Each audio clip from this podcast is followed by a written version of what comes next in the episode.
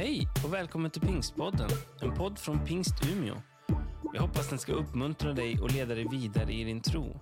För att få mer information om Pingst Umeå och allt som händer i kyrkan, gå in på umia.pingst.se eller följ oss på Instagram och Facebook, at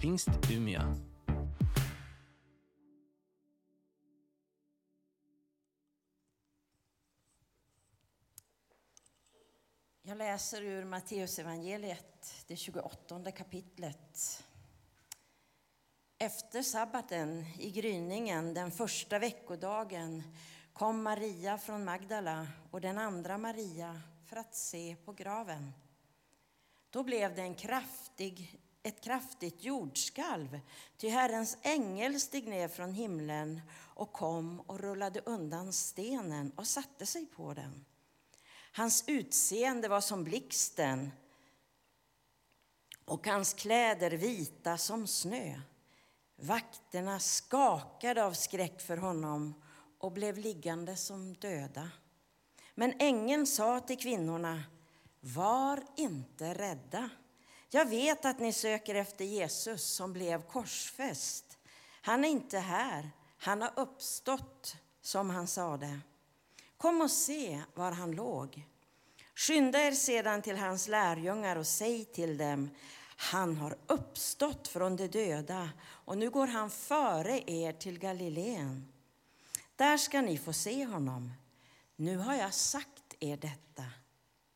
De lämnade genast graven och fyllda av bävan och glädje sprang de för att berätta det för hans lärjungar. Då kom Jesus emot dem och hälsade dem och de gick fram, grep om hans fötter och hyllade honom. Men Jesus sa till dem, var inte rädda. Gå och säg åt mina bröder att bege sig till Galileen. Där ska de få se mig. Medan de var på väg kom några ur vaktstyrkan in till staden och berättade för översteprästerna om allt som hade hänt. Dessa överlade med de äldste och sedan gav de soldaterna en stor summa pengar och sa till dem Säg att hans lärjungar kom under natten och rövade bort honom medan ni sov. Om ståthållaren får höra detta ska vi tala med honom så att ni inte behöver oroa er. Soldaterna tog pengarna och gjorde som de hade blivit tillsagda. Så vann detta rykte spridning bland judarna ända till denna dag. De elva lärjungarna begav sig till Galileen, till det berg dit Jesus hade befallt dem att gå. När de fick se honom där föll de ner och hyllade honom, men några tvivlade. Då gick Jesus fram till dem och talade till dem. Åt mig har getts all makt i himlen och på jorden. Gå därför ut och gör alla folk till lärjungar. Döp dem i Faderns och Sonens och den helige Andes namn och lär dem att hålla alla de bud jag har gett er. Och jag är med er alla dagar till tidens slut.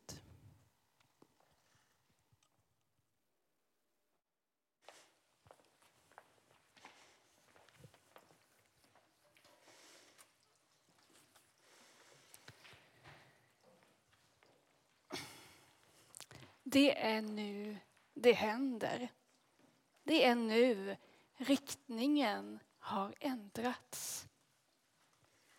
Istället för att gå från liv till död så har vi nu möjligheten att gå från död till liv. Påskens budskap är livet och ett förvandlat sådant i mötet med Jesus Kristus. Påskens berättelse och drama bär på hoppet om en framtid hos Gud. Matteus väljer att berätta berättelsen om när kvinnorna kom till graven på ett mycket dramatiskt sätt. Det är jordbävning och det är en ängel vars utseende är som blixten. Och så har vi vakterna som ramlar ihop helt stela av skräck, så som de vore döda. Och mitt i allt detta så kommer kvinnorna, de två Mariorna, för att se på graven. Ängeln tilltalar dem direkt med orden Var inte rädda. Och så fortsätter ängeln. Jag vet att ni söker efter Jesus som blev korsfäst. Han är inte här. Han är uppstånden. Kom så ska jag visa var han låg. Ängeln bjuder in kvinnorna att se med egna ögon som om det inte räckte med ängens ord. Även om de tror så är det viktigt för dem att också få se. För faktum är ju att det är bara någon dag sedan mörkret kom och hoppet släcktes för dem. Det är bara någon dag sedan Jesus dog. Och det måste ha känts så sorgsamt för dem. Kvinnorna har ju vakat tillsammans med honom. Kvinnorna har stått vid hans sida. Och nu väntar bara graven. För det finns ju ingenting i Matteus berättelse som får oss att tro att kvinnorna trodde att Jesus skulle vara uppstånden. Nej, de förväntade sig död. Men de möts av liv. Berättelsen om när kvinnorna kommer till graven har en viktig poäng. Och det är att vid de tillfällena då vi upplever att vi befinner oss i en situation där vi bara kan förvänta oss död och hopplöshet. Då kommer Gud med liv. Då kommer Gud med hopp. Jag undrar hur länge kvinnorna stannade vid graven.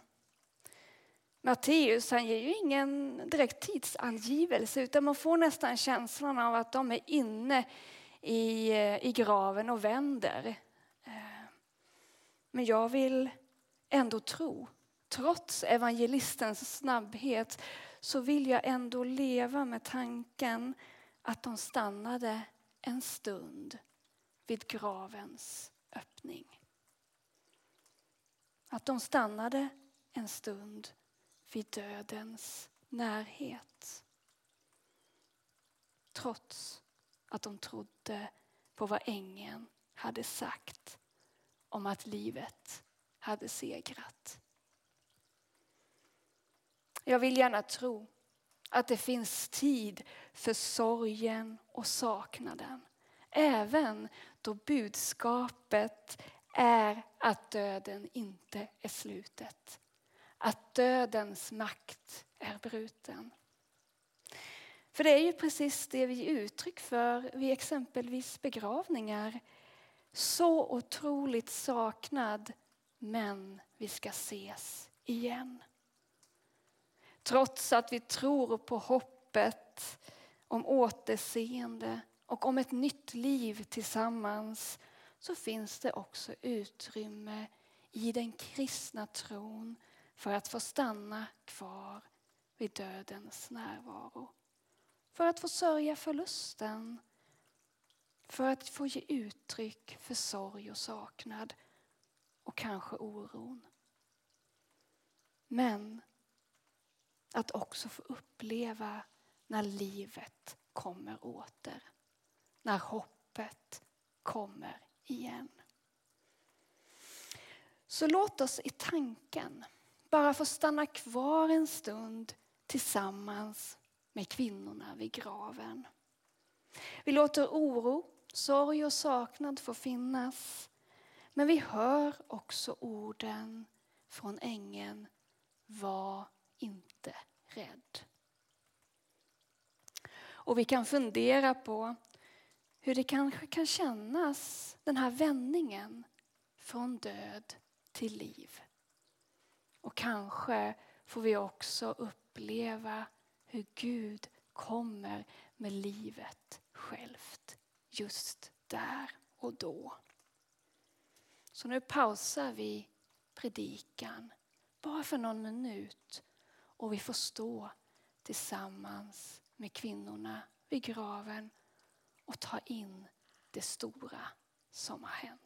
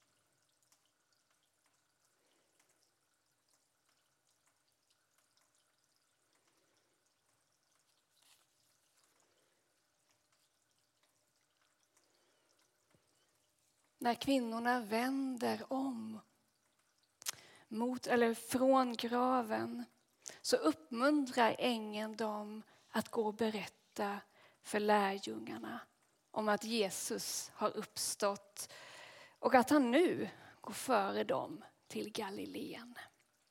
Och att de där ska få se Jesus. När kvinnorna börjar gå så kommer Jesus dem till mötes med samma budskap som ängeln hade berättat för dem. Han berättar att gå och säg till lärjungarna att de ska ta sig till Galileen. Där ska de få se mig.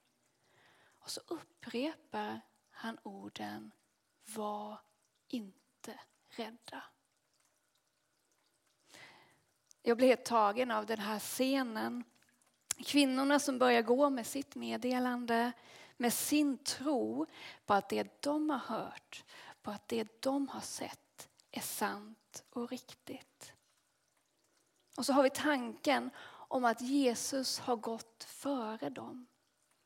Men också att han kommer dem till mötes. Han försäkrar dem om, nej, ni behöver inte vara rädda. Den här scenen slår an på så många olika sätt den här påsken. Den här speciella tiden som vi är i. Den här situationen som hela världen befinner sig i. För döden har ju kommit på besök. Och det lamslår oss på olika sätt. Vi får tänka om i mycket som var självklart för oss. Och vi får leva i en tid av ovisshet. Samtidigt så får vi tro att livets Gud har gått före även nu. Även idag. Och vi får kanske till och med uppleva hur Jesus Kristus själv kommer oss till mötes med orden Var inte rädda. Och vi får fortsätta gå ut med budskapet om en Gud som lever. Om en Gud som längtar och som väntar efter oss.